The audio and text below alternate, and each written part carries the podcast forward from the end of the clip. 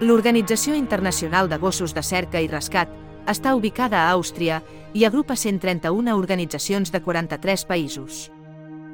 Formen i certifiquen equips de rescat per runs. I col·laboren en més de 1.000 missions cada any. Però, per què són tan útils els gossos? El seu superolfacte els permet seguir el rastre de persones enterrades per allaus, esfondraments d'edificis per explosió o per terratrèmols i huracans. També són bons salvant persones al mar. Parlem de l'olfacte caní. Té 40 vegades més milions de cèl·lules olfactives que els humans, distribuïdes en una superfície 10 vegades més gran. Però, a més, gràcies a una tècnica especial de respiració, els fa mil vegades més sensibles a les olors. Per olorar inhalen i exhalen molt ràpidament, unes 300 vegades per minut. Més increïble encara, els gossos oloren en estèreo.